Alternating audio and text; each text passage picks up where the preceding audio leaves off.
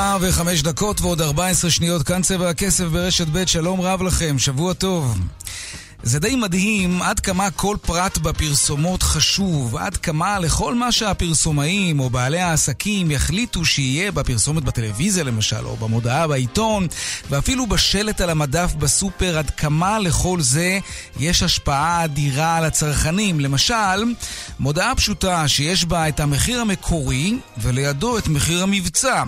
אם שני המחירים יהיו קרובים זה לזה מבחינה גרפית, הלקוחות לא יתפתו כל כך לרכוש. ראש. חוקר התמחור, קיט קולטר, הוכיח בניסוי שככל שמחיר המבצע רחוק יותר מהמחיר המקורי, כך הצרכנים קולטים את ההנחה יותר טוב, למרות שהמבצע הוא אותו מבצע. וזה לא הדבר היחיד, פרסומת לעוגה למשל, כן? חתיכת עוגה שמונחת על צלחת, אם המזלג יהיה לשמאלה של העוגה, הפרסומת תצליח פחות, כי רובנו אוכלים עם יד ימין. למרות שזאת אותה פרסומת, זה אותו המוצר וזה אותו המסר.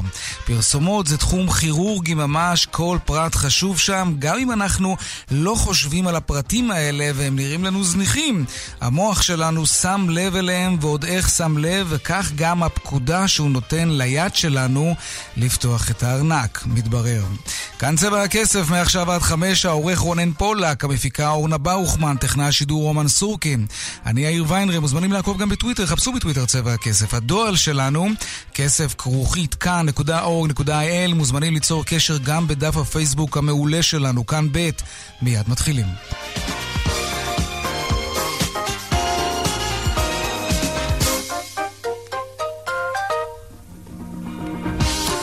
פותחים בכמה מכותרות היום בצבע הכסף. יזמית הנדל"ן ענבל אור, ענבל אור צפויה לעמוד לדין על עבירות מס ומרמה. שלום רום ליאור, כתבנו לענייני משטרה, העדכון שלך.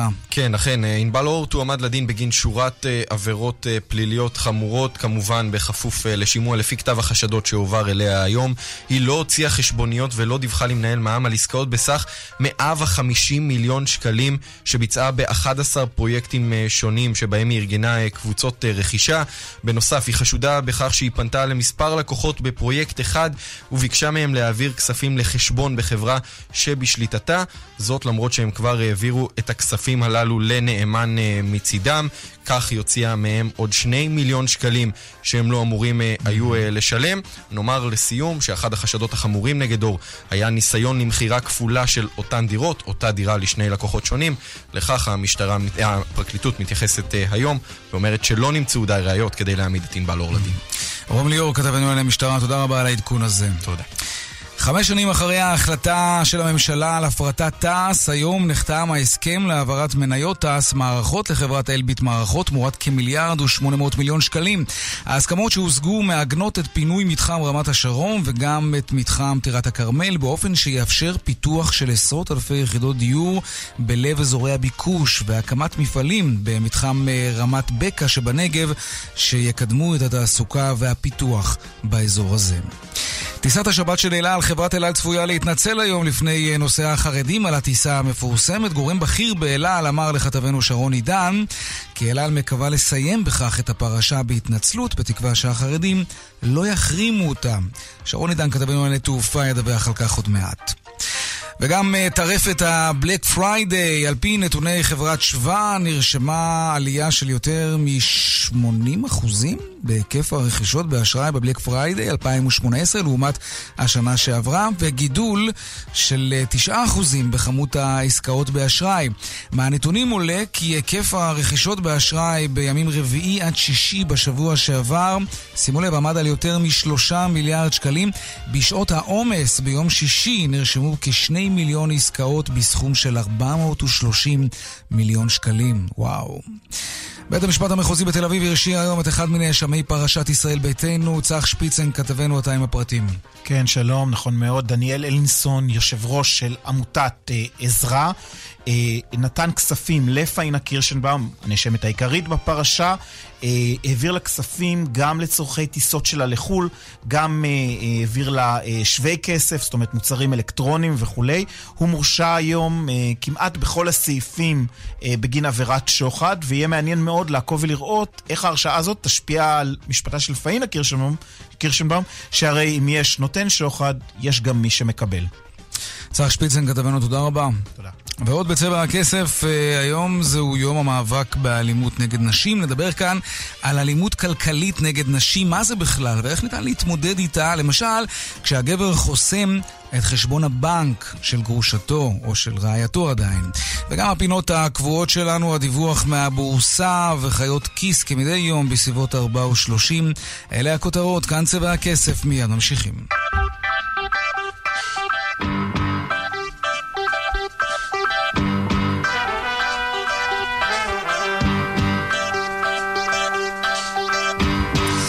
אנחנו ממשיכים לעקוב אחרי הדיונים בוועדת פישמן, הלא היא ועדת הטייקונים, שבודקת למה ומדוע ואיך וכמה כסף נתנו הבנקים בקלות שכזאת לבעלי ההון במשק הישראלי, ובהרבה מקרים, כמו שאנחנו יודעים, הם לא ראו את הכסף בחזרה, וגם אנחנו הציבור לא ראינו, כי כידוע, הכסף הזה הוא גם שלנו, הכסף שלנו מושקע אצל הטייקונים האלה. שלום ליאל קייזר, כתבתנו לענייני כלכלה, מה היה שם היום? שלום יאיר. אז כן, היום uh, הגיע אל הכיסא, לכיסא החם בחדר uh, הוועדה כיסא בכנסת. טוב, כן. Uh, כיסא לוהט, אם תרצה, לפרקים. כן. המפקחת על הבנקים חדווה בר, אחרי שבאמת בשבועות האחרונים ראינו את uh, ראשי המערכת הבנקאית, הבנקים הגדולים ויותר, והבנקים הגדולים פחות, יושבים על הכיסא הזה. הגיע uh, תורה של אחת הרגולטוריות המרכזיות, אם לא המרכזית ביותר, בהיבט הזה של האופן שבו הבנקים מתנהלים עם הלווים שלהם, הטענה שניתן יחס אה, מועדף ללווים הגדולים, לאותם מהמם. טייקונים שאנחנו אה, מכירים את השמות, את הפנים שלהם וגם את פישמן, התספורות למשל. שהם כן. עשו בסופו של דבר. אה, והמפקחת על הבנקים חדווה בר ניצבת בפני שורה אה, ארוכה של שאלות קשות מצידם של חברי הכנסת, אה, חברי הוועדה. בתחילת הדברים שלה, יאיר, אומרת אה, חדווה בר שבנק ישראל הוא זה שהבחין בתחילת שנות האלפיים בריכוזיות המאוד גבוהה בענף הבנקאות, ריכוזיות שתורגמה גם לריכוזיות באשראי, שבחלק מהמקרים ניתן אשראי בסיכון מאוד גבוה לקבוצות של לווים, רק בגלל, אולי בגלל הזהות שלהם, אולי בגלל מאפיינים אחרים של השוק, והיא אומרת, אנחנו אה, היינו אלה שהצפנו את הריכוזיות הזאת, גרמנו לכך שתוקם ועדת אה, ריכוזיות, ביצענו ביקורות רבות, היא מדברת על כמעט אה, 100 ביקורות שנערכו במהלך השנים כדי לשנות את המצב אה, במערכת הבנקאית. היא גם דיברה על כך שהבנק בזה, שבנק ישראל יתערב בזהותם של ראשי הבנקים. בואו נשמע דברים שהיא אמרה. הפיקוח מנסה לעבוד גם בשיטת המניעה. אז בהקשר הזה, הפיקוח על הבנקים מבצע סינון מאוד מאוד מוקפד של נושאי משרה במערכת הבנקאית. בעשור האחרון הפיקוח על הבנקים פסל את המינוי של 80 נושאי משרה למערכת הבנקאית, שרצו להיות בתפקידים הבכירים ביותר, יו"ר, מנכ"ל, דירקטורים וחברי הנהלה. מה השיקולים שלנו, יושרה, פוטנציאל לניגודי עניינים, זיקה ללווה גדול או לתאגיד ריאלי, אי כשירות מקצועית. כלומר, אחד הנושאים הרי שמטרידים את uh, חברי הכנסת, שמטרידים בכלל את המערכת על האופן שבו התנהל מתן אשראי לאותם uh, טייקונים, הוא העובדה שנראה היה שהזהות של מי שנכנס לחדר היא שמשפיעה ולא באמת יכולת החזר החוב שלו, ובאמת ראינו uh, אנשים מוכרים וידועים שבסופו של דבר לא מצליחים להחזיר את החובות שלהם ועושים תספורת על חשבון כולנו. באה חדווה בר ואומרת, אנחנו התערבנו בזהות של ההנהלות הבכירות ביותר בבנקים, היו 80 מינויים שמנענו 15 אנשים שאנחנו הבאנו לסיום אה, העסקתם, ואז יאיר, אתה בטח רוצה לשאול, מי הם אותם אנשים? בוודאי. בוודאי, ואז אנחנו נתקלים באותו אה, מונח שמלווה את עבודתה של הוועדה הזאת בנקאית. מהיום הראשון, סודיות בנקאית, mm. שמענו את אה, ראשי הבנקים מסרבים לתת אה, אינפורמציה, אם זה על החובות של פישמן אליהם, ואם זה על החובות של אה, נוחי דנקנר או של שאול אלוביץ', אה, ומתהדרים באותה סודיות בנקאית, שאגב, מגובה גם בהנחיות של בנק ישראל, גם בחוק וגם בפסיקת בית המשפט העליון, רק מהעת האחרונה, ושואלים חברי הכנסת את חדווה בר, אם היא בעצם אה, מגינה על הבנקים כשהיא אה, מעודדת את אותה אה, סודיות בנקאית. אומרת המפקחת על הבנקים, יכול להיות שאפשר לפרסם עוד, אנחנו מכירים את הביקורת על כך שאי אפשר להביא לפרסומם של דברים, חשוב לנו אמון הציבור, והיא בכלל אומרת שהסודיות מזיקה לבנק ישראל, כי אם אפשר היה לפרסם את פעולותיו הטובות של. הבנק, אז גם זה היה מרתיע, וגם כולנו היינו רואים שהבנק עושה את עבודתו אה, נאמנה. שצריך, חרף כן. העובדה שבמבחן התוצאה ראינו גם תוצאות אה, קצת פחות מוצלחות. ממש כך. ליאל קייזר, כתבתנו לענייני כלכלה, תודה רבה על העדכון הזה. תודה. חוגים בציבור החרדי עדיין עומדים על כך שחברת אל על תתנצל פומבית על כך שהיא יחסה בשבוע שעבר לנוסעים חרדים התנהגות אלימה בטיסה שנאלצה לנחות באתונה כדי לא לחלל את השבת. היום מתוכננת גם הפגנה נגד החברה. שלום שרון עידן, כתבנו לענייני תעופה. כן, אה, יאיר, אה, היום אה, ממש בשעות אחר הצהריים והערב צפויים רבים מנושאי אל על החרדים דווקא להגיע לנמל התעופה בן גוריון למשרדי אל על וגם לנסות ולהפגין נגד העובדה שעד עכשיו. החברה לא התנצלה, לא באופן רשמי ולא באופן לא רשמי. אנחנו אגב דיווחנו על כך היום שבחברה בהחלט המגמה המסתמנת היא כן להתנצל על מה שקרה בטיסה 002. ייתכן שגם תוך כדי הבהרה, כלומר לבוא ולהגיד שהם מבינים שחלק מהצדדים נפגעו והייתה אי הבנה והם על זה אה, מתנצלים ועל כך אה, מצרים. אה, נזכיר שמדובר על העובדה בעצם הכפולה, שגם נוסעים שהיו במטוס ביקשו לרדת לפני ההמראה בכמה הזדמנויות ולא ירדו, וגם לטענתם שאל על העריכה בסבירות גבוהה מאוד שהמטוס לא יגיע לפני כניסת השבת לישראל, ובכל זאת המטוס המריא. צריך להזכיר שכל האירוע התחיל בכך שאל על הודיעה שהיא נכון. תתלונן בעצמה במשטרה. אל על הודיעה שהייתה... הייתה מהומה אה, של חרדים עקב כך שהמטוס המריא בכלל בגלל בעיות של מזג אוויר. התברר בסופו של דבר שהבעיות היו בעיקר של צוותים שלא הגיעו בזמן לטיסה. כל הדברים האלה כאמור כרגע נמצאים אה, על סדר היום, אה, והחברה אכן צפויה בסופו של דבר להבהיר את העניין הזה. האם זה יהיה ביממה שתיים הקרובות או רק כאשר תיגמר, אה, נאמר, ועדה שכינס אה, מנכ"ל אל על, זאת שאלה שכרגע עדיין אנחנו לא יודעים את התשובה עליה, אבל זה לפחות מה שכנראה צפוי ומסתמן להיות בסופו של דבר עם הטיסה הזאת. כנראה. שרון עידן, כתבנו לענייני תעופה, תודה רבה. העניין הבא שלנו, היום מציינים את היום הבינלאומי למאבק באלימות נגד נשים. אנחנו רוצים לדבר על אלימות כלכלית נגד נשים. שלום עורכת הדין רות אה, דיין וולפנר, מומחית לדיני אה, משפחה. שלום רב. תגדירי קודם כל אלימות כלכלית נגד נשים. על מה אנחנו מדברים בעצם? אמ, טוב, זה מגוון רחב של התנהגויות, שמה שמאחד אותם זה שמופעל כוח כלכלי על אישה בניגוד לרצונה. אה, וזה באמת יכול אה, להתחיל מדברים קלים כמו אה, לקבל אס.אם.אס על כל קנייה שמבוצעת בכרטיס אשראי ולקבל חקירות על זה. לחסום את כרטיס האשראי כש... כשהיא לא מתנהגת יפה או כשהיא לא עושה בדיוק מה שהיא רוצה, מה שהוא רוצה. אמ, ו- ודברים הרבה יותר חמורים, כמו לא להעביר כסף, כמו אמ, להגביל את חשבונות הבנק, כמו, וזה באמת קיצוני, לקחת את כספי הדירה שהם מכרו ולבצע איתם פעולות מאוד מסוכנות אה, בבורסה, מסחר באופציות מעוף, להפסיד את כספי הדירה. כל הדברים האלה מוגדרים כאלימות כלכלית. אולי אני מקדים את המאוחר, אבל אני רוצה לשאול אותך, הרי מדובר בסך הכל ברכוש משותף, בכסף משותף של שני בני הזוג. האם משום שמדובר ברכוש משותף אחרי הכל, כן, חשבון בנק, המכונית, אה, כספי הדירה שהם מכרו וכולי, האם יש כאן גם עניין פלילי? כלומר, האם אישה יכולה להתלונן במשטרה על מקרים כאלה? זאת הרי גניבה, אה, אולי אפילו שוד, כשמישהו נוטל ממך את הזכות להיכנס לחשבון הבנק שלך או מרוקן אותו ללא אישור. זה יכול להגיע גם לפסים פליליים? אני יכולה להגיד לך, מ-20 שנות אה, מציאות בשטח, המשטרה בחיים לא מתערבת. לא מתעסקת בדברים האלה. לא, זה רק עניין לבתי משפט לענייני משפחה. כל סכסוך שהוא סכסוך זוגי, אה, למעט אלימות אה, ממשית, כן. המשטרה לא מתערבת. אבל תקני אותי אם אני טועה, כשבן זוג מרוקן את חשבון הבנק המשותף, כן, מחביא את הכסף, זה, זה שווה ערך לגנבת כסף מבת הזוג שלו, נכון? נכון, נכון, כן. אבל... אה, אני חייב להגיד לך שסיפורים כאלה אני מכיר גם מהצד השני, נשים שעושות את זה לגברים, לבני זוגם, אבל אין ספק שלנוכח העולם הפטריארכלי שאנחנו חיים בו, נשים סובלות מזה הרבה יותר. עד כמה המערכת אה, מהירה בלהשיב לאישה את היכולת למשל למשוך כספים, או לכפות על בן הזוג שלה להשיב לה את המפתחות של הרכב? עד כמה גלגלי הצדק אה, משומנים היטב כדי להביא דברים... דברים על תיקונם כשזה קורה. דרך אגב, זה שני דברים נפרדים לגמרי. להשיב את מפתחות הרכב, המערכת יחסית מהירה. אני יכולה להגיד לך שקיבלתי החלטה כזאת עכשיו בין זוג שידועים בציבור, הוא פשוט לקח את הרכב מהחנייה עם המפתחות ספייר, ואמר הרכב שלי לפי הסכם המון, הוא רשום על שם חברה, ובית המשפט אמר, הרכב הראתה שקנית לאוטו במתנה, אתה מחזיר לאוטו. אחר כך תריבו למי הוא שייך. Mm. אז זה, זה דווקא מהר. כסף זה עניין אחר לגמרי, זאת אומרת, אם בעל חוסם את חשבון הבנק, ומותר לו, דרך אגב, זה לא עבירה פלילית. הוא חוסם את חשבון הבנק, נותן לבנק הוראה שלא יבוצ... לא תבוצע שום פעולה בחשבון, אלא בשתי חתימות. Mm-hmm.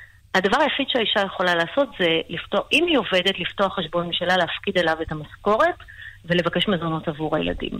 אם היא לא עובדת והיא תלויה בו כלכלית, היא יכולה לבקש מזונות. זה בעצם פוגע גם בו, כלומר, זה אומר שהוא צריך גם חתימה שלה כדי למשוך כסף מהחשבון. נכון, אבל הוא יכול, אה, ככל שהוא בעל המאה, הוא יכול לפתוח חשבון בעצמו, להפקיד אליו את נכון, המשכורת ולפתור לעצמו את הבעיה. אם הוא המפרנס העיקרי, נגיד, כן. נכון. דרך אגב, אלימות כלכלית לא תלויה ביכולת הכלכלית של האישה. זאת אומרת, אני ראיתי מקרים של נשים שעובדות ומרוויחות, ועדיין נמצאות תחת שליטה כלכלית של הבעל. הן צריכות לתת דיווח על כל הוצאה, הוא כועס, הן מחביאות אה, אה, בבגאז' את השקיות אם הן עושות קניות. Mm. אה, טוב, זה לא כבר עניין תרבותי, זה כבר עניין של זה, אה, זה עניין איך בני הזוג מתנהלים. כן. נכון, אבל, זה, אבל זה, זה לא בהכרח כלפי נשים מאוד מאוד חלשות, אבל ברור שככל שהאישה יותר חלשה ותלותית, כך, כך קל יותר להפעיל כלפי האלימות.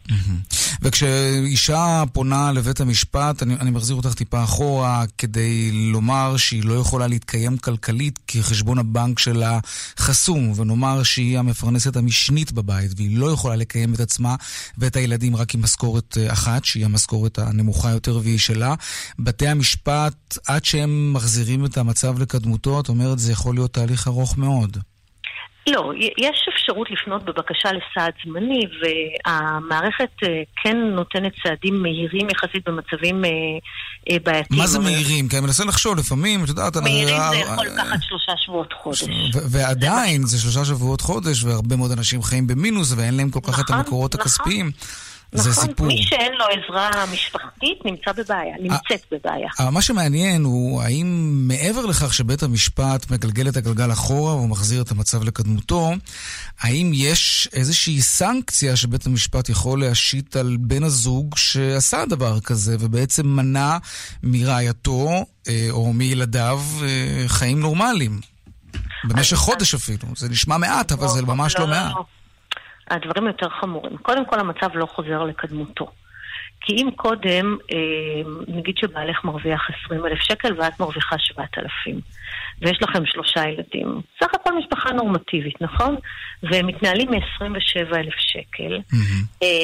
יבואו ויגידו לה, את לא זכאית למזונות אישה כי את מרוויחה 7,000 שקל ותסתדרי עם זה, okay. אוקיי. ומזונות ילדים ב... במקסימום 7,500 שקל זה סכום שנחשב מאוד גבוה. כן. זאת אומרת, המצב המשפטי לא בהכרח יחזיר את הגלגל אחורה. זה דבר ראשון. דבר שני, ממש אין סנקציה על זה. ממש לא. אה, זה, זה דברים שקורים כמעט כל יום ובהרבה מאוד תיקים. מתי כן יש סנקציה? יש סנקציה שהפגיעה היא, היא ביסודות התא המשפחתי. כמו למשל אותו מקרה ש, שהזכרתי קודם, של זוג שמכר את הדירה והבעל לקח את הכספים והימר איתם, אני אומרת בכוונה הימור, כי mm-hmm. כשאין לך ניסיון בשוק ההון ושאתה משקיע באופציות מעוף ומאבד את הכסף תוך כמה חודשים לגמרי, זה הימור. ו- ובית המשפט באמת חייב אותו מהדירה הנוספת שהייתה להם להחזיר שווי מחצית הדירה שלו. וטוב שכך, כן. כן, בוודאי. עורכת הדין... לא תהליך ארוך. בהחלט. עורכת הדין, אה, עורכת הדין רות דיין וולפנר, עורכת לדיני משפחה וירושות, תודה רבה. תודה. עכשיו נדבר על הבלק פריידיי כמובן. אז השיגעון מאחורינו, ובפעם הראשונה, כך אומרים, כן, למרות שאני חושב שבשנה שעברה ראיתי כבר תמונות כאלה, אבל אולי לא בהיקפים האלה, את התמונות של המוני בית ישראל מסתערים על החנויות. כתבתנו לענייני צרכנות שירה הדס נקר, שלום. כן, שלום אה, יאיר. אתה אומר שלא ראית, אבל אני חושבת שאנחנו לא ראינו כן? אה, תמונות כאלה, כאלה של... כן. באמת הסתערות של אה, המוני בית ישראל שהגיעו, כולל אה, קטטה משמעותית בחנות אה, נייק בחולון, שהסתיימה בחקירת משטרה שנפתחה היום על אותה תקרית. הרביצו בה גם למוכרים וגם ללקוחות שהגיעו, פשוט לקוחות זועמים שרצו להיכנס לחנות, המוכרים כבר אמרו להם אין יותר מקום, הם המשיכו לנסות להיכנס בכל מקרה, לדעתי גם יש לנו את הקולות משם של הקטטה כן, הזאת. בוא ננסה לשמוע אותם. יש? בוא נשמע. נראה לי בשוק. אימא'לה, תראה. תתקשר למשטרה. למה הם עושים את זה? איזה חולרות. אל תתערבו, אל תתערבו, אנשים. מסכנים עובדים, למה?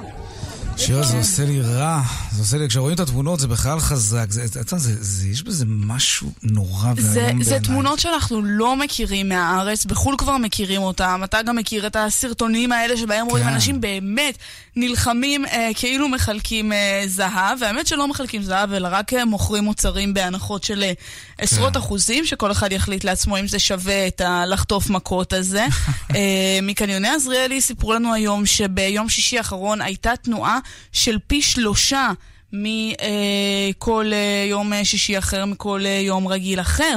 במהלך השבוע בכלל הייתה עלייה של כ-30 אחוזים לאורך כל השבוע של אנשים שהגיעו כדי ליהנות מההנחות והמבצעים.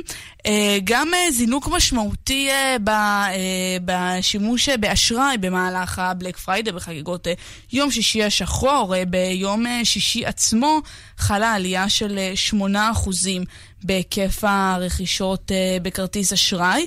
סך הכל זה עומד על... רגע, אני אגיד לך בדיוק. כל הרכישות מיום רביעי עד יום שישי היו שלושה מיליארד שקלים. מדהים. זה סכום מטורף מטורף לחלוטין, עלייה משמעותית גם מהשנה שעברה. עכשיו אני ביום שישי באמת אה, הגעתי ככה לאחד מקניוני עזריאלי כדי לפגוש את האנשים. אה, בוא תשמע קצת על החוויות שלהם, ככה מה שסיפרו לנו. קניתי סטריק במנגו, כחול, תראי את הצבע יפה. התורים מפוצצים, מאוד בתור שעתיים, מכה. קניתי רק ג'קט עור, כאילו. איזה מבאס. התאכזבתי האמת, אבל יאללה, חוויה כאילו בסופו של דבר. עושה פרסה, יש פה הרבה אנשים, לא יכול להיות בלחץ. מלחיץ אותי. בחו"ל עושים יותר מ-50%, אבל אצלנו פה עושים בוא נגיד 20% ועל כל משהו ישן. על חדשים לא עושים את הבלק פריידיי כמו שצריך כזה. עושים פרסה, הולכים לאכול קובה. הכי טוב. קובה פריידי.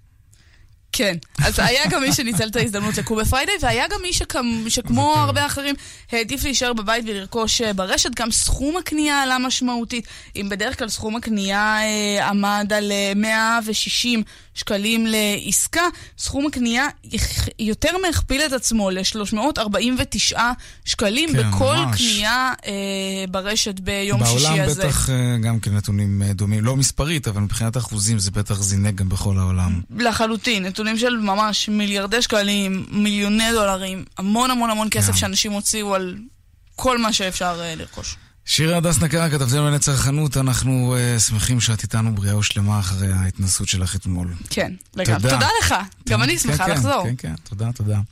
בסך הכל רצית לחזור הביתה בשלום. אנחנו ממשיכים בעניין הזה, יש עכשיו יום מנוחה, כי מחר יצוין ברחבי העולם הסייבר מנדיי, ואז אפשר יהיה שוב להתנפל, ועל זה בדיוק אנחנו רוצים לדבר עכשיו. הקטע הזה של התורים הארוכים, ומיליון אנשים שצובאים על הפתחים, ודחיפות ואלימות והתנפלות, תודו שיש בזה משהו מגעיל, לא ממש תרבותי, וסליחה אם מישהו מהמאזינים היה בסיטואציה כזאת, אנחנו בטוחים שגם הם לא בדיוק נהנו מזה. שלום אה, איזק אה, סיבה, מומחה לשיווק קמעונאי מקבוצת אה, בוכנוולטר, שלום לך. שלום, שלום. תגיד, אפשר לעשות את זה אחרת, או שזה, אתה יודע, פורס מז'ור, תן להמונים אופיום כזה, מחירים בתחתית, וכולם ירצו, ירוצו לשם אחוזי אמוק. תראה, אני שמעתי קודם uh, לגבי הפרסומות, אמרת שאם מציגים פרסומת עם עוגה בשביל לשכנע אנשים לקנות, והכפית תהיה בצד שמאל, זה ימכור פחות. נכון. בתחילת התוכנית אמרת כן, כלכלה התנהגותית כזאת, כן, אוקיי. בדיוק. אי אפשר להשתלט על הארגונומיה ועל התת-מודע. דרך אגב, זה חוצה תרבויות, בואו לא נייחס את זה רק לישראל. לא, לא, זה ברור. בארצות הברית המצב יותר גרוע אפילו, כן. עכשיו, מה קורה? הרי קונה במשך uh, הקנייה שלו, הוא עובר כמה שלבים. השלב הראשון זה מודעות למוצר, המוצר מושך את תשומת ליבו. השלב השני, המוצר צריך לעורר בו עניין, כי אם לא הוא נושר מהתהליך. אוקיי, נחשפתי למוצר, הוא עורר בי עניין, והשלב השלישי, אני חושק בו. אני רוצה את המוצר. זה השלב שהוא בעצם מבצע את הקנייה, הולך לקופה, משלם ויוצא. בדרך כלל כשאנחנו מנסים לקדם שיווק או בונים אה, מסלולי הולכה בחנויות על מנת לתת את הפתרונות לדברים האלה, אז אנחנו עושים מאמצים מאוד גדולים לחשוף מוצר, לעניין את הלקוח, mm-hmm. עד שהוא מגיע למצב של החשק. מה שקורה פה, עד הבלק פריידיי, הלקוחות כבר מחוממים מראש. הם כבר יודעים, כבר בסמארטפון הקטן שלהם, בלי לצאת מהבית, מה הם רוצים, במה הם חושקים, הם כבר מעוניינים, הם מגיעים, הם באים לבצע את הרכישה. ואז יש את מה שנקרא בכלכלה התנהגותית, שוב אנחנו משתמשים בתחום הזה, תחושת ההחמצה, את הפחד מלהחמיץ. פומו, פירו. כן, בדיוק, פומו. זה פשוט אה, המבורגר בשקל, אוי אוי אוי, נגמר, הגעת, איזה באסה. היה, הרגע נגמר. ואנשים ממש מפחדים מזה, כן. אנשים מתכוננים, תחשוב, בוא נגיד שבן אדם גם קצת דחוק כלכלית ורוצה לקנות איזה נינטנדו לילד שלו. הוא מבטיח לו, הוא מחכה ליום הזה, הוא מתכונן, הוא מגיע והוא צריך לחזור בידיים ריקות. זה כאילו, אני הולך לסיפורים קצת יותר עצובים מעבר לאלה שאומרים, וואו, אני מבצע, אני אראה לכולם, אני הצייד הכי טוב, אני אדחוף, אני אקנה, אני לא פראייר. זה נכון. עוד בסדר. אבל יש אנשים, אתה יודע, אתה מבטיח להורה, לבן, לאהובה, לאהוב, לא משנה מה, ואתה מגיע ליום הזה, ורגש, הפחד מההחמצה הוא מאוד מאוד גדול, והוא גורם לאנשים להתנהג לא בדיוק כמו שהם היו מתנהגים ביום-יום, והם בטוחים שזה שליד דחה, וזה היה התור שלו, זה לא הוגן איך שזה מנוהל, ואין סדר, ומשם הדרך לאנדרלמוסיה היא מאוד מאוד קצרה. נכון. אה, שלא לומר שהמשווקים מצידם, יש מוצרים מדהימים במחירי הפסד שהם שמים על המדף, ואז אה, הדרך מכאן ל-out of stock מאוד קצרה, out of stock יזום מה שנקרא. כבר פרסמתי, ראו את זה באינטרנט, יודעים שיש לי את זה, יודעים שאני טוב בזה, אבל במחיר הזול אני דואג שזה ייגמר לי מהיום באותו יום, ואז אני יכול גם להתראיין שנערכנו והבאנו עובדים, ובכל זאת היה פשוט מדהים, אי אפשר היה לצפות את זה. בינתיים הרשת שלי מאוזכרת, אנשים נזכרים בקיומה, נכון. הנאמנים חוזרים אליה. אה, יש פה תהליך שלם פסיכולוגי מאוד חזק של הלקוח. בדיוק, אבל אתה יודע, אם אנחנו מדברים על כלכלה התנהגותית, אנחנו מדברים על זה שלכל דבר יש מחיר. גם אם בסוף בקופה שילמתי 10% פחות, גם לזמן שלי ולזה שחטפתי מכות, ולכל מה שמסביב יש איזשהו מחיר. אז נשאלת השאלה, האם באמת זה יותר זול לקנות, גם אם אתה מקבל 20% הנחה? האם את ה-20% הנחה הזה לא יכולתי לקבל בשום יום אחר, או מה המחיר של זה שחטפתי מכות בדרך לקופה? זה, זה לגמרי, כמו שראיינתם קודם, איזה בחורה נחמדה שם עם המנגו והסוודו, זה חלק מהחוויה, חיכתה בתור שעתיים. זה, זה, אני יכול לרוץ מרתון כל יום, אבל אני רוצה לרוץ מרתון בסובב תל אביב, אני יכול לרוץ לבד. זה, זה חלק מהחוויה הזאת שאתה מוכן לה מראש, אתה לא מדמיין אלימות ומכות ודחיפות. אתה מדמיין שיהיה שמח, שיהיה צפוף, וכן, אני, אני כן חושב ש... תראי, לא בכולם, אבל יש בחלק מבצעים די מדהימים, בוא לא, כאילו, זה, זה לא שעובדים על האנשים בגדול, יש מבצעים. ככה אני רואה את זה לפחות. כן, אבל בתוך כל הברדק הזה, אני מניח שמסתתרים גם דילים שהם לא ממש מבצע. אגב, לסיום רק נאמר שבתחום הכלכלה ההתנהגותית יש עוד מונח אחד שנקרא, אה, איך נתרגם את זה בעברית? רציונליות מתוחמת, נגיד בונדד רציונליטי, אוקיי? למשל, כשיש כן. סייל, אז הלקוחות נוטים לקנות לאו דווקא את מה שהם היו קונים אם לא הייתה הנחה. הקנייה הופכת להיות בעצם רק לשם ההנחה, כן? לשם המבצע, וזה די טיפשי כמובן. אבל... באתי לקנות שרשרת, יצאתי עם מקרר. בדיוק. איזק אה, סיבה, מומחה לשיווק קמעונאי מקבוצת אה, בוכנוולטר, תודה רבה. ערב טוב. תודה, ערב טוב. להתראות. שירה הדס נקר, תודה רבה גם לך. דיווחי התנועה בחסות תפנימו, תחצינו! עכשיו ברב בריח מגוון דלתות כניסה ודלתות פנים בהצעה מיוחדת. דלתות בבית, בטוח רב בריח.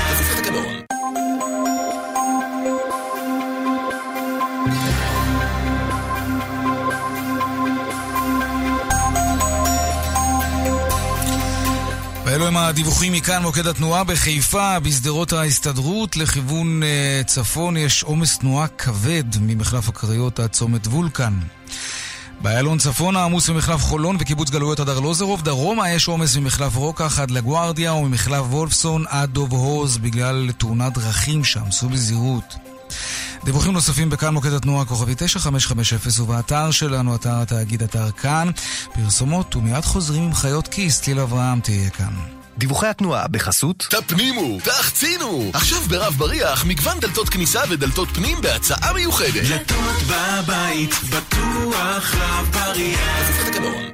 כאן רשת מיד חוזרים עם יאיר ויינרב.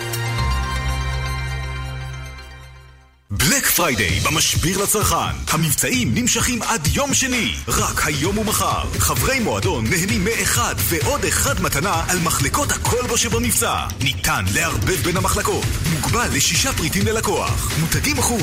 המחיר משביר. כפוף לתנאי המבצע. מסכים ומקררים של Hisense במחירי Black Friday. עכשיו ברשת מחסני חשמל. עד גמר המלאי. בביקוריי במזרח לא יכולתי שלא להתרשם מכמות המזון שהיפנים אוכלים בכל יום. למרות זאת, מרבית היפנים שפגשתי נראו לי רזים. אפילו צנומים. כאן נמרוד גוברין. אני מזמין אתכם לסדנה של שישה מפגשים. להבין את הסוד היפני. איך יפנים אוכלים ואוכלים ונראים רזים. ללמוד מהם איך עושים זאת, בלי דיאטות. לפרטים חפשו בגוגל, הסוד היפני, או התקשרו אליי, 1-800-60-10-60. פיקדון אננס הוא פיקדון חדש שמאפשר לך ליהנות מריבית מעולה שמטפסת ועולה ואינה תלויה בריבית במשק. לקוחות כל הבנקים, התקשרו עכשיו למקצוענים של מזרחי טפחות ושאלו על פיקדון אננס. כוכבית 8860, כפוף לתנאי הפיקדון. יולקטין של דוקטור פישר זה בדוק ועכשיו, אחד ועוד אחד מתנה ברשתות פארם ובתי מרקחת. עד גמר המלאי. זה קורה עכשיו! מבצעי Black Friday מטורפים בא.ל.מ! 28 אחוזי הנחה! וגם 36 תשלומים שווים! למשלמים עד עשרה תשלומים, 8 אחוזי הנחה נוספים! Black Friday עכשיו בכל סניפי... א.ל.מ! על המוצרים שבמבצע כפוף לתקנון. השיער שלי החל לנשור, החלו להיווצר מפרצים, והבנתי שאני פשוט מקריח. מחקר שפורסם בכתב העת המדעי מדריג' מצא שימוש במכשיר הריג'ן שפותח בישראל למען הסובלים מדלילות שיער, מסייע בעיבוי שיער קיים ובהצמחת שיער חדש. מה אומר לכם? אחרי ארבעה חודשים של שימוש ביתי קל ונוח, השיער התאבע ושיער חדש החל לצמוח. המלצה אישית, חפשו בגוגל שיער נולד, או התקשרו 1-800-665544. חצי המחיר? במשיח קרמיקה, קולקציית 2018, עכשיו בחצי המחיר. עריכי קרמיקה מאיטליה ומספרד, מקלחונים, אסלות, ברזים, ארונות אמבט, ריצוף. המומים? גם אני. כאן דורון משיח, ממשיח קרמיקה. אה, וזה לא הכל, האספקה המיידית. אז מהרו, המבצע עד גמר המלאי. חפשו בגוגל, משיח קרמיקה, או התקשרו, 1-800-50-40-90. אתם מקבלים קצבת סיעוד מהביטוח הלאומי? שימו לב, קצבת הסיעוד המשופרת יוצאת לדרך. מנובמבר 2018 יוגדל מספר שעות הסיעוד לזכאים. תוכלו לבחור לקבל חלק מהקצבה בכסף ואת שאר הקצבה בשירותי סיעוד. למשל, טיפול אישי בבית, ביקור במרכזי יום, לחצן מצוקה ועוד. בימים אלו נשלח לביתכם מכתב אישי ובו מידע על אפשרויות הבחירה שלכם במסגרת השיפורים בקצבת הסיעוד. למידע נוסף התקשרו כוכבית 2637 או ייכנסו לאתר הביטוח הלאומי. מסכים ומקררים של Hisense במחירי Black Friday, עכשיו ברשת מחסני חשמל, עד גמר המלאי. כאן רשת ב'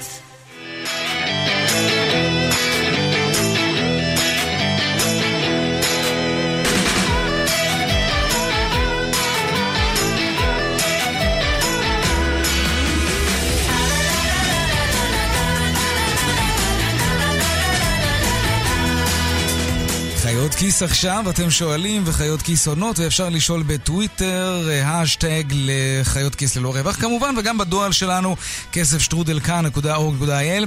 והיום שאלה של דור, ודור שואל כך, בעקבות הפרק של חיות כיס על האקלים, האם אני יכול להעביר את כל הכספים שלי בפנסיה ובקופת הגמל שלי וכולי, להשקעות לא מזהמות, כלומר לכל מיני קרנות כאלה שלא משקיעות כסף בכל חברה, אלא רק בחברות שאכפת להן מכדור הארץ, נדמה לי שזאת הכוונה. שלום סיל אברהם, מגישת חיות כיס. שלום יאיר. אז uh, מה, מה את אומרת? יש דבר כזה? כן, השאלה הזאת בעצם מגיעה בעקבות פרק 82 של חיות כיס, זה פרק שנקרא הכשל השוק הגדול בעולם של mm-hmm. דנה פרנק, uh, ובפרק הזה דיברנו בעצם על זה שבעיית האקלים היא בעיה כלכלית, uh, והיא קשורה מאוד לתמריצים כלכליים שיש לחברות להשתמש באנרגיות מזהמות. וכיוון שהבעיה כלכלית, יכול להיות שגם הפתרון כלכלי. בתור אזרחים קטנים, אנחנו לא יכולים להשפיע המון על פליטת גזי חממה, אבל יש איזו מחשבה שאולי לפחות אפשר שהכסף שלנו לא יושקע בזה, וככה נטה קצת את הכלכלה לכיוון הנכון. Mm. אז בעולם יש באמת תופעה רחבה ומתרחבת גם מהר של השקעות חברתיות, או הם קוראים לזה שם השקעות אחראיות, או השקעות עם אחריות חברתית. בנקים וגופים פיננסיים אחרים מציעים מסלולי השקעה מוסריים. שבהם מתחשבים לא רק בתשואות, אלא גם בכל מיני קריטריונים אחרים, כמו האם uh, החברות שבהן uh, מושקעת הקרן מקפידות על זכויות עובדים, האם הן מבצעות ניסויים בבעלי חיים, uh, האם יש בהן uh, שחיתות, האם הן מוכרות מוצרי מזון שמזיקים uh, לבריאות, ואחד מהדברים uh, שמסתכלים עליהם הם נזק סביבתי. זאת אומרת, במסלול כזה לא ישקיעו למשל בחברת נפט, לא משנה כמה רווחי זה יהיה, mm-hmm. ומי שבוחר במסלול הזה בעצם אומר, אני מוכן uh, לשלם את המחיר. בישראל, הפתעה, עדיין לא. כן? אמ, mm. אז לא, אי אפשר להעביר את הפנסיה או את uh, קרן ההשתלמות שלך בישראל למסלול ירוק. הסיבה היא פשוט כי אף אחד מהגופים הפיננסיים בישראל לא הרגיש שיש מספיק ביקוש כדי לפתוח מסלול כזה. זה אומר שאם הרבה ישראלים כן uh, יפנו לקרן הפנסיה שלהם וידרשו שמי שמנהל להם את ההשקעות, את החסכונות, לא ישקיע ב, uh, בחברות כאלה, אז זה יכול לקרות. אה, פשוט אה, אנחנו מדינה קטנה ואין לזה מספיק ביקוש, במקומות אחרים זה קיים. כן, יש פה שני בתי השקעות שיש בהם אפשרות של ניהול תיקים אישי, שבהם אפשר להגדיר במסלול שלך אה, שכן יהיו עקרונות של אחריות חברתית, אבל זה לא רלוונטי ל... לחסכונות שיש ל, לרובנו, לקרנות השתלמות ולפנסיה, למה? זה מיועד לתיקים פרטיים מאוד מאוד גדולים, בדרך כלל mm. מ-300 אלף שקל, לפעמים מ-700 אלף שקל, אז כן, מי שרוצה להשקיע סכום גבוה של כסף, יש uh, uh, בתי השקעות uh, פרטיים קטנים שמאפשרים את זה, קלאריטי קפיטל ו-IBI, הם היחידים בישראל בינתיים, אבל זה באמת מוצר פרימיום שעדיין לא זמין לכולם. מעניין. אגב, לכל אחד יש את עולם הערכים שלו כמובן, נדמה לי שיש קרנות שהם, אה, שיש להם תעודת כשרות, אני חושב. כן, כן יש מסלול הלכה, בגלל שיש כן, בעיה הלכתית עם, נכון. אה, עם בעצם כל הרעיון של הלוואות וריבית. אה, גם זה וגם קרנות שמשק... שלא משקיעות בחברות שמחללות שבת, או יותר נכון, משקיעות ב... בחברות שאינן, ששומרות שבת בעצם. נכון, זה בעצם הסוג היחיד שכן יש אצלנו. כן. כן, מעניין אם יש קרנות לטבעוניים, כלומר, כאלה שלא משקיעות בתעשיית הבשר וכאלה. בחו"ל יש. אין לזה גבול. בחו"ל יש. יש. בארץ עדיין לא. בארץ עדיין לזה שוק. טוב, אני חושב שריכוז הטבעוניים בעולם, הגדול ביותר בעולם, דעתי, באופן יחסי כמובן, הוא בישראל. באמת? כן, ככה קראתי פעם. תתחילו להתקשר ולדרוש השקעות אה, כן, מוסריות. כן, אפשר, אפשר. ציל אברהם, מגישת חיות כיס, תודה רבה. תודה רבה, יאיר. אחר הצהריים טובים, ערב טוב. ערב טוב.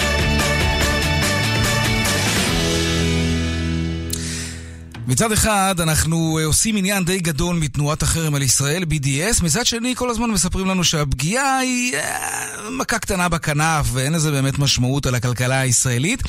אבל גם אם זה נכון, עדיין מספיק שמישהו נפגע מזה, מבחינתו זה עניין רציני מאוד. קחו למשל את ייצוא הענבים מבקעת הירדן, שצנח בעשר השנים האחרונות ב-80 אחוזים. זה המון. שלום דוד אלחיאני, ראש מועצת בקעת הירדן. שלום לך, יאיר ולמאזינים. תודה. ספר לנו את סיפור הענבים עם קצת יותר פרטים. כמה מכרתם פעם? מה קורה היום? לפני עשר שנים אה, גידלנו קרוב ל-6,000 דונם אה, ענבי מאכל, שיווקנו את אה, רוב התוצרת שלה, בקעת הירדן, 80% מהתוצרת בעצם הגיעה לאנגליה. שם מכרנו הענבים שלנו, ואת המקומי. אה, דוד, אני נאלץ לקטוע אותך לרגע, אם תוכל לשפר מיקום, כי הקליטה לא משהו ואתה נקטע פשוט כל עוד שנייה. בוא ננסה שוב. אוקיי. כן. אז אתה אומר שרוב התוצרת יוצאה אה, לבריטניה, אנחנו יודעים שבריטניה זה מקום מרכזי מאוד לפעילות של תנועת החרם, והיום, כן, עשר שנים נכון. אחרי. נכון, עשר שנים אחרי, אנחנו בעצם מצאנו את עצמנו, נגרם נזק כלכלי עצום לחקלאי הבקעה. אה, המחיר בייצוא היה מחיר גבוה, ואנחנו בעצם, אה, חקלאים מצאו את עצמם, חלק מהחקלאים סוגרים את המשקים שלהם, כי אי אפשר היה להתקיים, אה, לא, לא את כל התוצרת אי אפשר היה לשווק בפרק זמן כל כך קצר בשוק המקומי. לקח לנו עשר שנים להתאושש ולמצוא שווקים אחרים, למצוא שווקים אחרים ולהתמודד לבד עם הסוגיה הזאת של החרם. תגיד, אני... אני... לא רק בא לידי ביטוי גם... אני אשאל שאלה כזאת. אולי, אולי זה לא BDS, אולי זה שיקול כלכלי. אה, האירופי, האנגלים לצורך העניין מצאו ענבים אה, טובים לא פחות וזולים יותר. איך אתם יודעים לומר בוודאות שזה בעקבות פעילות אנטי-ישראלית? אני אגיד לך את זה בצורה הכי, הכי, הכי ישרה, הכי כן. ישירה. אה, כשהתארחה אצלי חברה של נציגי חברת Waitrose, זו החברה הרביעית בגודלה בבריטניה, ושאלנו אותם בעצם למה לא לוקחים תוצרת? אז הם בהתחלה ניסו להתפתל, אנחנו הדרג הביניים, אנחנו לא מקבלי ההחלטות, אבל כששמנו אותם עם הגב לקיר, הם בעצם הודו בזה שהם מקבלים עשרות אלפי מיילים, כן. גם ממוסלמים, גם מאנרכיסטים, גם מפעילי BDS, שבאים ומאיימים על הרשתות שבעצם אומרים להם, אם אתם תציגו ברשתות שלכם תוצרת שמגיעה מבקעת הירדן, אנחנו בעצם נחרים אתכם, לא לבוא לקנות אצלכם. אז לבוא ולהגיד שזה לא תנועה רחבה, זו תנועה כן. רחבה, יש לה פעילות. גם אותו מוסלמי שבא ומודיע לזה, מבחינתי הוא פעיל של BDS.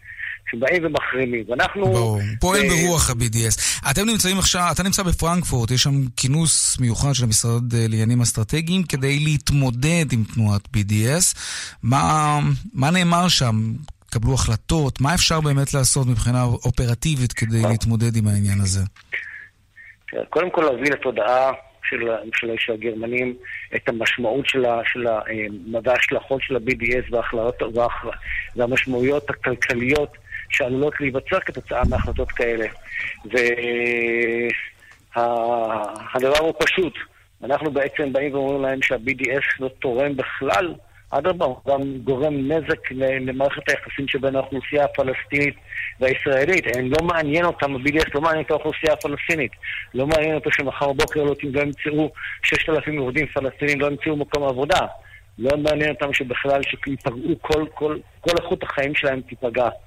לכן אנחנו באים בעצם ואומרים לה, אומרים להם, חבר'ה, בואו תראו, בואו תראו עד כמה ה-BDS עלול ליצור נזק, וזו סימפטום.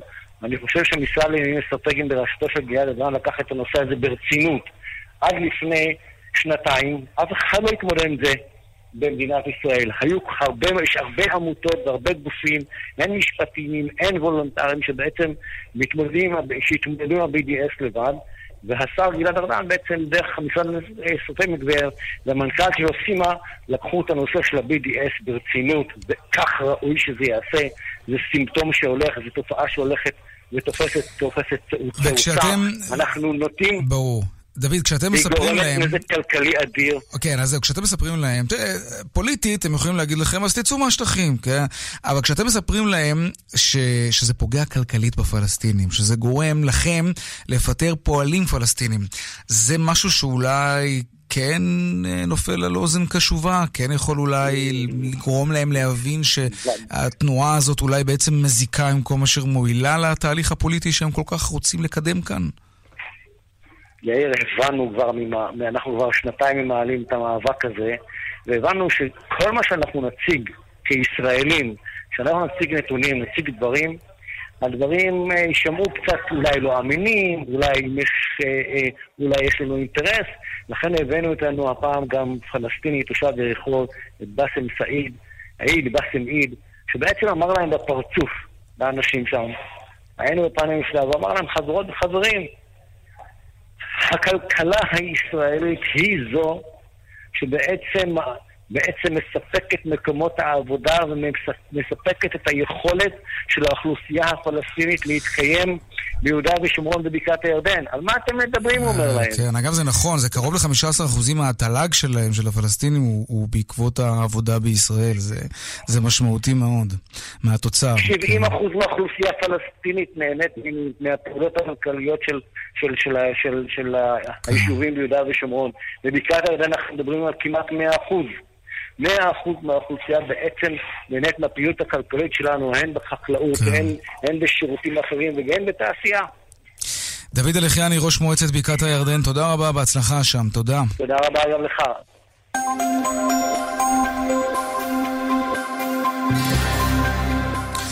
ואלו הם הדיווחים מכאן מוקד התנועה. באיילון צפונה עמוס ממחלף חולון וקיבוץ גלויות עד ארלוזרוב. דרומה יש עומס ממחלף רוקח עד לגוארדיה וממחלף וולפסון עד דוב הוז בגלל תאונת דרכים.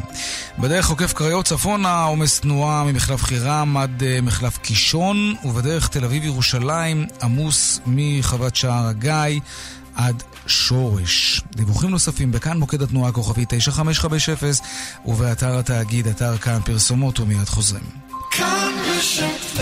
מיד חוזרים עם יאיר ויינרב. מסכים ומקררים של Hisense במחירי Black Friday, עכשיו ברשת מחסני חשמל, עד גמר המלאי. כשהילדים יכינו שיעורים, את מקפידה ובודקת. להביא אותם לחוגים, את לא מאחרת. אז למה על גזרה חטובה את מוותרת? דוחה ואומרת בפעם אחרת? אז בשנה החדשה, תעשי משהו רק בשבילך. סטודיו סי, כוכבית חמישים, ארבעים וחמש. פרי השעה עם סוזי טובי. כולם שואלים את עצמם, מתי תעלה הריבית? אנשים יושבים ומחכים, ובינתיים הכסף שלהם לא זז. סוזי, הכסף לא זז, ממש כמוני. אני, אני פה בקצה של קיר טיפוס, קצת מפחד ולא יודע מה לעשות. ממש כמו עם הכסף שלי. לך על אננס דביר, זה הצעד הנכון בשבילך כרגע. אננס? הוא, הוא טוב נגד פחד גבהים? פיקדון אננס זה פיקדון חדש שמאפשר לך ליהנות מריבית מעולה שמטפסת ועולה, ואינה תלויה בריבית במשק. לקוחות כל הבנקים, התקשרו עכשיו למקצוענים של מזרחי טפחות ושאלו על פיקדון אננס. כוכבית 8860, כפוף לתנאי הפיקדון. שלום, שמי עזריאל. אני קונה במזומן תכשיטי זהב, כלי כסף ויהלומים. אני מגיע לאן שנוח לכם, מבצע הערכה מקצועית ומשלם מזומן במקום. גולד פור קאש, קנייה של זהב וכלי כסף. גולד פור קאש, כוכבית 4556. ממי, למה לא קמת לילד אתמול בלילה? למה את תמיד מתעסקת במה שהיה? פעם אחת תחשבי על מה שיהיה. רוצים להגיע מוכנים לפנסיה? תהיו בטוחים במנור המבטחים, ותיענו מקרן הפנסיה הגדולה והיציבה בישראל. החורף מגיע, והאדם המצוי נכנס לתרדם את החורף. במקום לעשות ביטוח דירה בביטוח ישיר ולהיות מוגן, הוא נרדם בעמידה. יצור מרתק! מה קשור תרדמת? סתם זן שאנן. שקט! אתה עלול להעיר אותו! ששש, צודק. למה לעשות סיפור מביטוח דירה? מצטרפים לביטוח ישיר ונהנים מחודשיים מתנה בביטוח דירה. מבנה ותכולה. הקש על החמש ביטוח ישיר. I.D.I חברה לביטוח. כפוף לתקנון. שלום. כשחקן טוב ומעולה, אני משקיע מעצמי 100% בכל תפקיד. גם אם צריך לגלם דייג אירי שחולם להיות אלוף ב rollerblades. Fuck the fish? פוק דה פיש? יא, I've own dreams, דאדה. מצד שני, אני מצפה שישקיעו בי חזרה. שההפקה תדאג לי לכפיל, פעלולן, או לפחות מתורגמן לאירית. שאני אבין מה אני מקשקש שם 3 שעות ו-42 דקות. מה לעשות? אני רגיל מהבנק שלי שמשקיעים בי. הבנק הבינלאומי משקיע בכם, גם בחשבון העסקי וגם בחשבון הפרטי. ועכשיו, הטבה ייחודית בפתיחת חשבון עסקי ומענק של אלף שקלים בפתיחת חשבון גולד פרטי. לפרטים כוכבית 2354. כפוף לתנאי הבנק. אבאלה, תתעורר. עכשיו בשירביט מבצע מנצח. כן, עכשיו בשירביט חודשיים מתנה בביטוח המקיף לרכב. כן, חודשיים מתנה. כוכבית 2003 שירביט. כפוף לתנאי המבצע. מסכים ומקררים של Hisense במחירי Black Friday. עכשיו ברשת מחסני חשמל. עד גמר המלאי. שלום. כשחקן טוב ומעולה, אני משקיע מעצמי 100% בכל תפקיד. מצד שני, אני מצפה שישקיעו בי חזרה. מה לעשות? אני רגיל מהבנק שלי שמשקיעים בי. הבנק הבינלאומי משקיע בכם, גם בחשבון העסקי וגם בחשבון הפרטי. ועכשיו, הטבה ייחודית בפתיחת חשבון עסקי ומענק של 1,000 שקלים בפתיחת חשבון גולד פרטי. לפרטים כוכבית 2354. כפוף לתנאי הבנק. פחות משבע דקות לפני השעה חמש, עכשיו לעדכון היומי מהבורסה של תל אביב. 102 Two unders. Take them.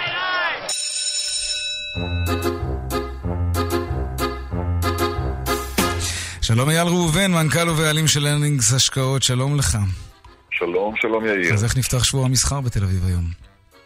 אצלנו יום אה, ככה דלי למדי, אה, מחזורים נמוכים יחסית של 400 מיליון שקל, ואנחנו ממשיכים קצת לרדת. אנחנו ככה מושפעים מהטריטוריה השלילית שמגיעה מהעולם, גם סוף השבוע השלילי שהיה בבורסות הזרות, בראשן ארצות הברית, יום המסחר המקוצר לרגל החג, שהסתיים שם בירידות מתונות יחסית של חצי אחוז. המדדים, כאשר המסע דרומה של ענקיות הטכנולוגיה ממשיך, פייסבוק, אפל, אמזון, נטפליקס, יורדות בכ-2.5 אחוזים. עוד נתון מעניין ככה מהמסחר בסוף השבוע, הנפט צלל בעוד 7 אחוז כלפי מטה, נעצר במחיר של 50 דולר לחבית, מה שהריץ את המשקיעים היום בתל אביב דווקא למניית אל על, שעשויה ליהנות מהירידות אה, במחירי הדלקים. אם כך, אצלנו בשעה זו ירידה של אה, חמש עשיריות, אה, של חמישה, אפס נקודה חצי אחוז, כחצי אחוז במדד 35. מדד הבנקים יורד מעל אחוז, שופרסל יורדת ב-2.8 עם דוחות לא כל כך טובים. נגד טבע, אלביט, NICE עולים בארבע עשיריות האחוז. אנחנו ביום ראשון, אין מסחר במט"ח. אז אה, נותר לנו לצפות להמשך השבוע. בהחלט. אייל ראובן, מנכ"ל ובעלים של Earnings השקעות, תודה רבה. ערב טוב, שבוע טוב.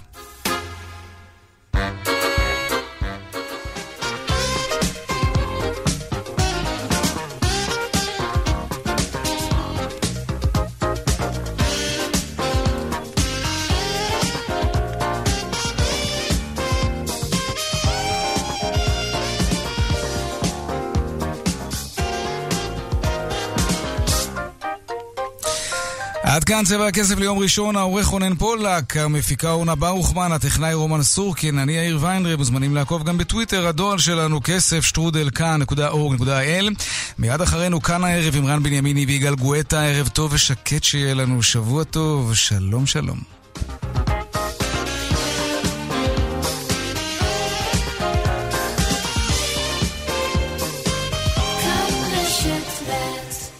Friday במשביר לצרכן. המבצעים נמשכים עד יום שני. רק היום ומחר. חברי מועדון נהנים מאחד ועוד אחד מתנה על מחלקות הכל בו שבמבצע. ניתן לערבב בין המחלקות. מוגבל לשישה פריטים ללקוח. מותגים מחו"ל. המחיר משביר. כפוף לתנאי המבצע. לפנסיה שלי מגיע אלטשולר שחם. גם לפנסיה שלי מגיע אלטשולר שחם. גם לפנסיה שלי. חפשו אלטשולר שחם. פנסיה נבחרת. אלטשולר שחם. מחויבים למקצוענות. אין באמור לעיל כדי להוות תחליף לייעוץ או שיווק פנסיוני אישי המותאם לצורכי הלקוח. הכירו את אשלי וקסמן בקשי, יוטיוברית ידועה. ו? בלוגרית ותיקה. ו? כלת פרס ישראל לאיפור? ילידת מינסק? תגיד להם, הוא ממחזרת בקבוקים במחזורית. כמובן, כמובן. אם כן, למחזר הבקבוקים, פעולה... טיני וויני. שתהיו גאים בה. בקבוקים למחזורית. יצאתם גדולים. אתם מקבלים קצבת סיעוד מהביטוח הלאומי? שימו לב, קצבת הסיעוד המשופרת יוצאת לדרך. מנובמבר 2018 יוגדל מספר שעות הסיעוד לזכאים. תוכלו לבחור לקבל חלק מהקצבה בכסף ואת שאר הקצבה בשירותי סיעוד. למשל, טיפול אישי בבית, ביקור במרכזי יום, לחצן מצוקה ועוד. בימים אלו נשלח לביתכם מכתב אישי ובו מידע על אפשרויות הבחירה שלכם במסגרת השיפורים בקצבת הסיעוד. למידע נוסף התקשרו כוכבית 2637 או ייכנסו לאתר הביטוח הלאומי. החורף מגיע, והאדם המצוי נכנס לתרדמת החורף. במקום לעשות ביטוח דירה בביטוח ישיר ולהיות מוגן, הוא נרדם בעמידה. יצור מרתק! מה קשור תרדמת? סתם זן שאנן. שקט! אתה עלול להעיר אותו! ששש, צודק.